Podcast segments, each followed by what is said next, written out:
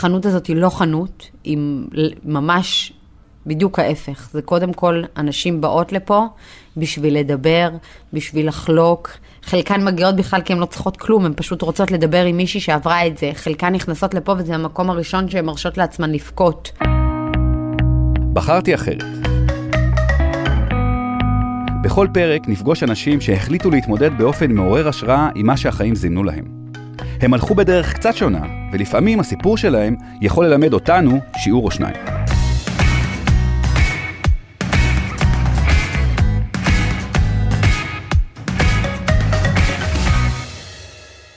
Uh, טוב, אז uh, קוראים לי יאנה דרום, אני בת 36, נשואה לעמי, אימא של uh, נויה, שיר ופלג. תכף נדבר על החנות שהיא לא באמת חנות. אבל קודם, בואו נחזור קצת אחורה. אימא שלי חלתה בסרטן השד כשהייתי בת 12.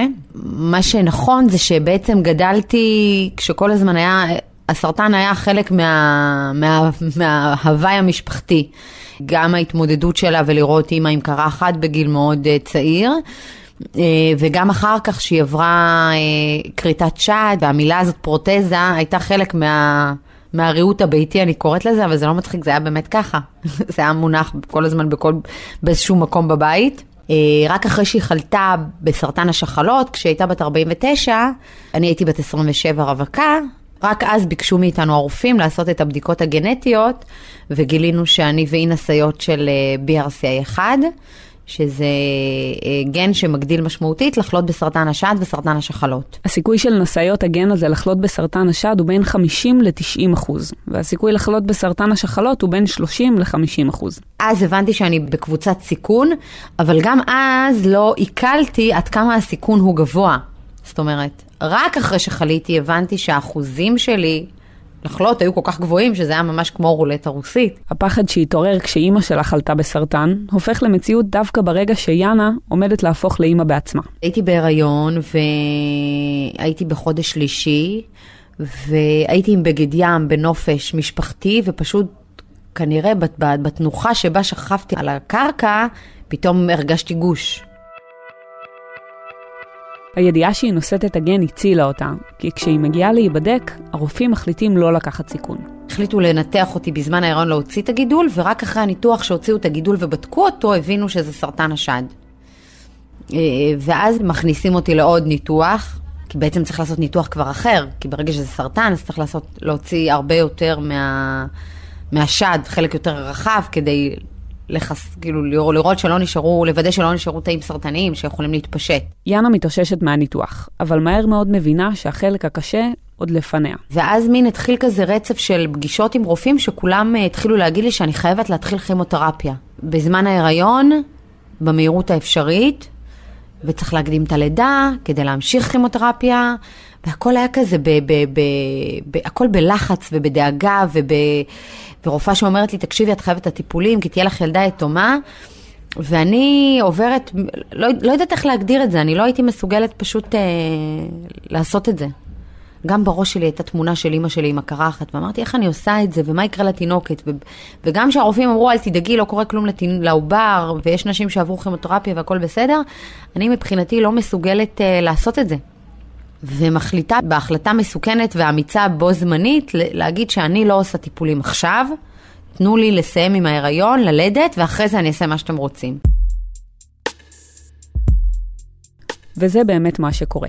יאנה ממשיכה את ההיריון מבלי לעבור טיפולים קימותרפיים. שבוע לפני שילדתי יצא לי גידול באותו אזור שעשו לי את הניתוח, זאת אומרת, הכל היה ככה, הכל החמיר, זאת אומרת, הייתי צריכה להקשיב לרופאים בשורה התחתונה. הבום מתחיל אחרי שאני יולדת. כי אחרי שאני יולדת ואני יודעת כבר שיש לי עוד גידול ורק מחכים שתצא התינוקת וכאילו אז אני מתחילה בעצם לח... להיכנס לגוף של אוקיי, יש לי סרטן. ואז מתחילה שגרה של אישה חולה. אישה חולה בתוך חופשת לידה. אה, אני עושה כל שלושה שבועות טיפול כימותרפי, אני שמה את התינוקת אצל חמותי, הולכת לטיפול, אחרי זה הולכת להתאושש אצל אימא שלי, אה, חוזרת. אה, הנפילה הקשה כמובן שאתה, כל אישה ש... את, את מבינה שאת חולה ברגע שהשיער נושר. תשע שנים אחרי הרגע הזה, קשה לדמיין את יאנה עם כותונת בית חולים וקרחת. מי שפוגש אותה היום רואה מולו אישה יפהפייה ומטופחת שכולה סטייל. כשכל שערה יושבת בול במקום, אפשר להבין למה דווקא הפרידה מהשיער הייתה רגע של משבר. כשהלכתי לספר שלי שיעשה לי גלח, אז כאילו זאת הייתה ההתרסקות הראשונה. דווקא פחות ממני, יותר להסתכל עליו. כאילו שהוא רגיל לעשות לי גוונים, ותספורת, וצחוקים וקטעים, ופתאום הוא צריך כאילו לגלח אותי, ועוד אני שואלת אותו כמה לשלם לך, והוא בהלם כאילו. לכי מפה, רק תוציא את הדיכאון מפה. שלושה שבועות אחרי הלידה, כשיאנה כבר עמוק בתוך הטיפולים הקימותרפיים וההקרנות, היא נאלצת לעבור ניתוח כריתת שד מלאה עם שחזור מיידי. בעצם אה, שחזור, בשונה מהגדלה או הקטנת חזה, זה ממש מרוקנים את כל התוכן של השד, ומורידים, לרוב הפעמים מורידים את הפטמות. ואז זה גם לא מרגיש וגם לא נראה כמו ניתוח פלסטי של הגדלה או הקטנת חזה. זה נראה כמו שני סלעים שתקועים לך בחזה, אה, שאין שם שום תחושה. זה לא נראה טוב, וזה צלקות הרבה יותר גדולות, כי כדי בעצם להחזיק את הסיליקון צריך אה, הרבה יותר תפרים, וזה נראה רע. וגם אין פטמות, ולרוב מישהי עוברת רק בצד אחד, אז יש לה בצד אחד פטמה, בצד שני אין פטמה, ושחזורים, היות והם ניתוחים קשים, הם הרבה פעמים עושים בעיות, אז השתל לא נקלט, ואז בעצם מוציאים את השתל, ואז יש בכלל צד אחד שטוח, וצד שני אה, אה, עם חזה. בקיצור, זה מאוד מאוד מאוד שונה, ו... הרגע הכי קשה מבחינתי זה שה... שהניתוח שחזור שלי נכשל. אני בחורה צעירה, כאילו הייתי בת 28, רק התחתנתי, עם ילדה קטנה בבית, אני רגילה ללבוש מה שאני רוצה, לא ללבוש חזיות בכלל. אה, תמיד מאוד, אה, מאוד אה, כאילו מתלבשת חשוף, מאוד מרגישה מאוד נשית, מאוד מינית, מאוד כזה עפה על עצמי, ו, ופתאום כשהשחזור לא מצליח, אני אומרת כאילו, מה, אחרי כל מה שעברתי, גם טיפולים כימותרפיים והקרנות, וכל כך הרבה ניתוחים ואשפוזים, ורחוק מהתינוקת, הייתי מאושפזת שבוע יום אחד, כאילו פעם אחת באיכילוב שבוע שלם. ולא ראיתי את התינוקת, והיא הייתה בת חצי שנה, ואני אומרת, אחרי כל הסבל הזה והאיסורים האלה, בסוף הרופאים אה, מרימים ידיים כי אין ברירה ומוצאים את השתל. ואני צריכה להתמודד עם, עם, עם מבנה גוף חדש, שבאמת כאילו לא תיארתי לעצמי שאני כאילו אהיה עם פרוטזה, שזה באמת כאילו מבחינתי המצב הכי מזעזע והכי נורא. בסופו של דבר, עם כל הקשיים, יאנה מחלימה ונאלצת להתרגל לגוף החדש שלה. היא מנסה לפתוח פרק חדש ומחליטה להשאיר את המחלה מאחור. החלטתי להתפטר מהעבודה ולהתחיל עבודה חדשה, שאף אחד שם לא יודע שחליתי. הגעתי לעבודה חדשה, חיים חדשים, אף אחד לא שאל אותי מתי חלית, איך את מרגישה, פשוט התחלתי כאילו, עשיתי ריסטארט לחיים, אמרתי, גמרנו, זה מאחוריי, ואני, ואני, ואני לא מתעסקת בזה יותר. התאבזרתי בציוד. זה ממש ככה, זה ציוד, זה כאילו נורא, כי זאת הייתה החוויה, שאני הולכת לקנות ציוד ולא חזייה. הגעתי לחנות מאוד uh, ככה עתיקה, ומכרו לי שם פרוטזת שד, uh, נתנו לי חזייה אחת בצבע גוף, כאילו לא היה לי אופציות, וקיבלתי את, את הגזר דין הזה, לבשתי את החזייה, לא יכולתי ללבוש שום דבר שהוא עם מחשוף.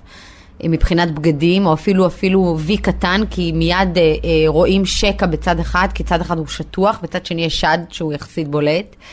אה, אז כל, ה, כל הסגנון שלי בלבוש וכל ההתארגנות בבוקר הייתה שונה. אז יאנה מקבלת את העובדה שחוויית השופינג שלה השתנתה לחלוטין, ונאלצת להתאים לעצמה סטייל חדש, הרבה פחות מגוון. אבל אז הגיע הקיץ. וכשרציתי בגד ים, אז הייתה המכה רצינית.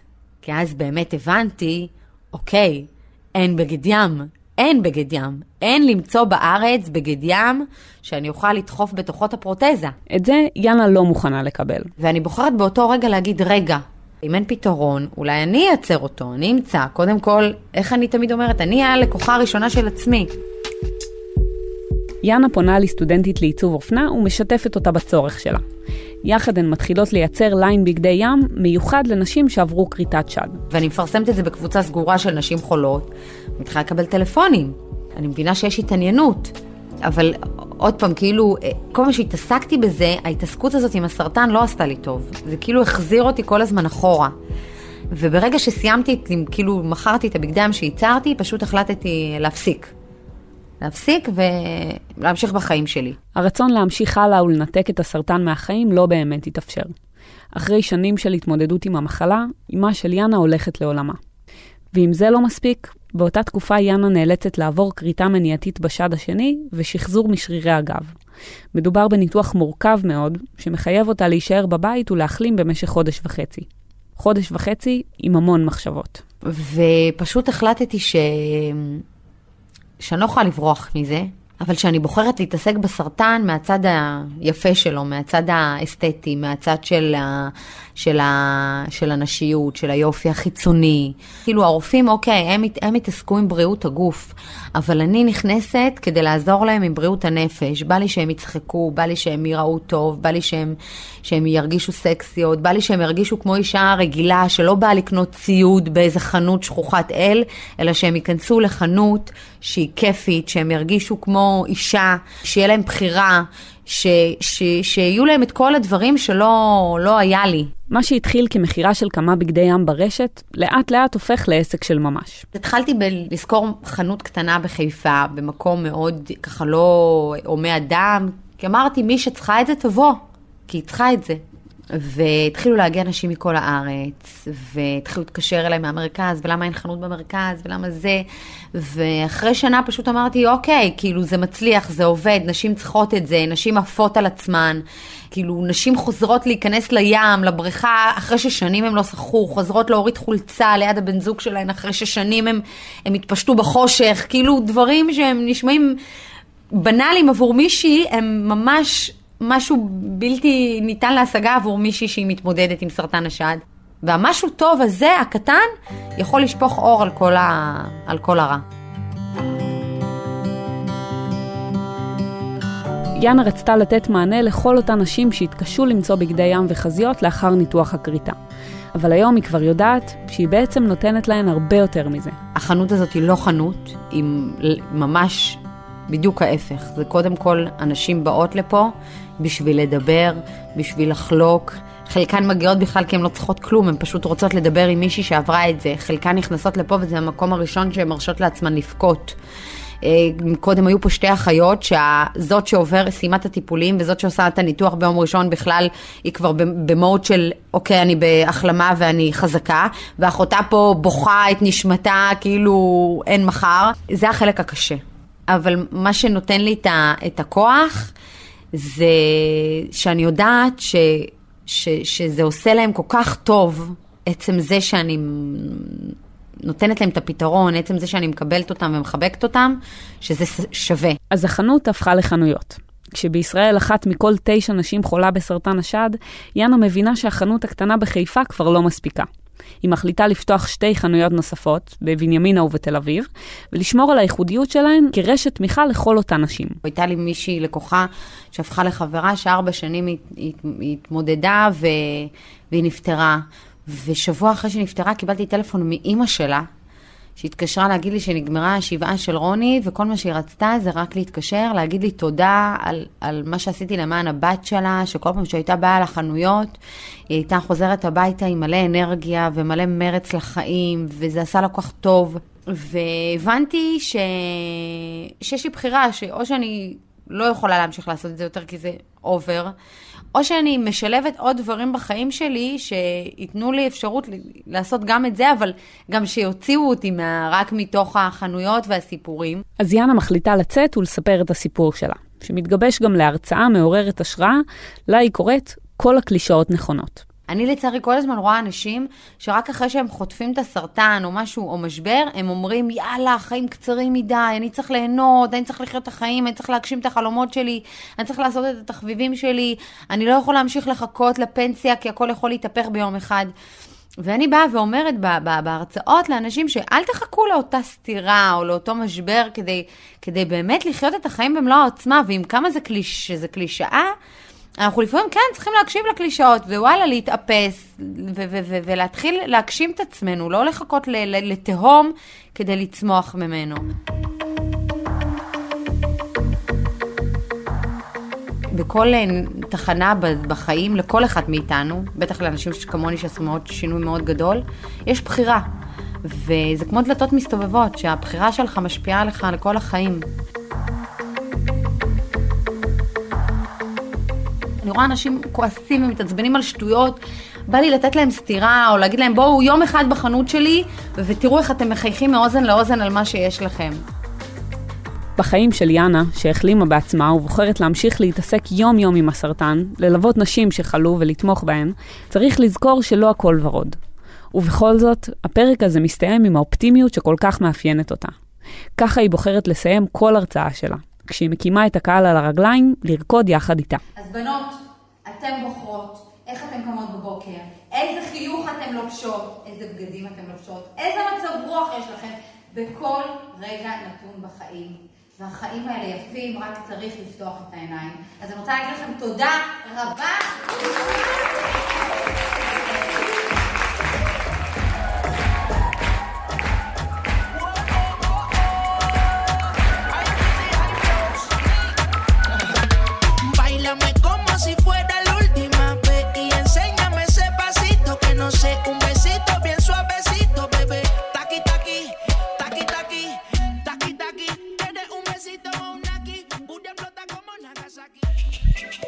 האזנתם לבחרתי אחרת.